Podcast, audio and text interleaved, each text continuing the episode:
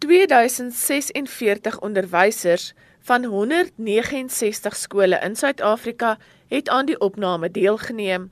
Die minister van basiese onderwys, Angie Motshekga, sê die uitslae van die opname het nie enorme verrassings opgelewer nie. So it confirms the things we know.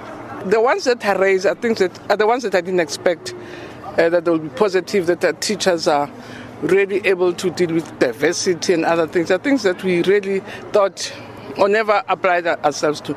But about drugs, about big classes, it confirms, and that's the statement I made, it confirms the things that we know are in our schools, which really reinforces the message that we have to deal with them. Een uit 3 skoolhoofde het aangemeld dat hulle weekliks intimidasie of boeliegedrag by hul skole ervaar. Dit is meer as dubbel die gemiddeld van die ander lande. 21 tot 27% van Suid-Afrikaanse skoolhoofde het ook weekliks voorvalle van alkohol of dwelms by die skool, vandalisme of diefstal.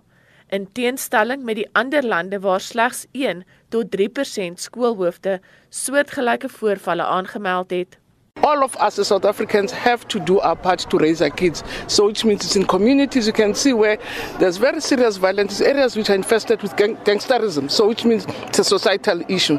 There are issues about socializing of children, which I'm saying there's poor discipline. You can see that there are also home issues, but we're not saying as a department we don't have responsibility, but we're saying it takes the entire village to raise a child.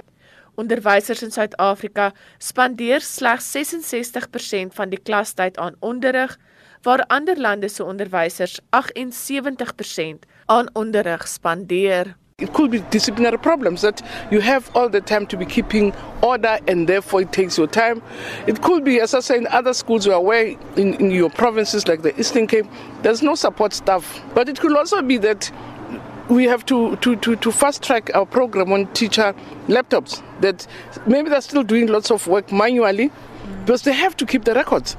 Leidens die verslag doen Suid-Afrikaanse onderwysers baie goed om diverse groepe met verskillende tale te onderrig.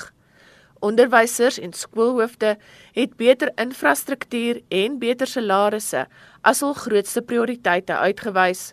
Ek is Lela Magnus vir SAIK nuus in Pretoria.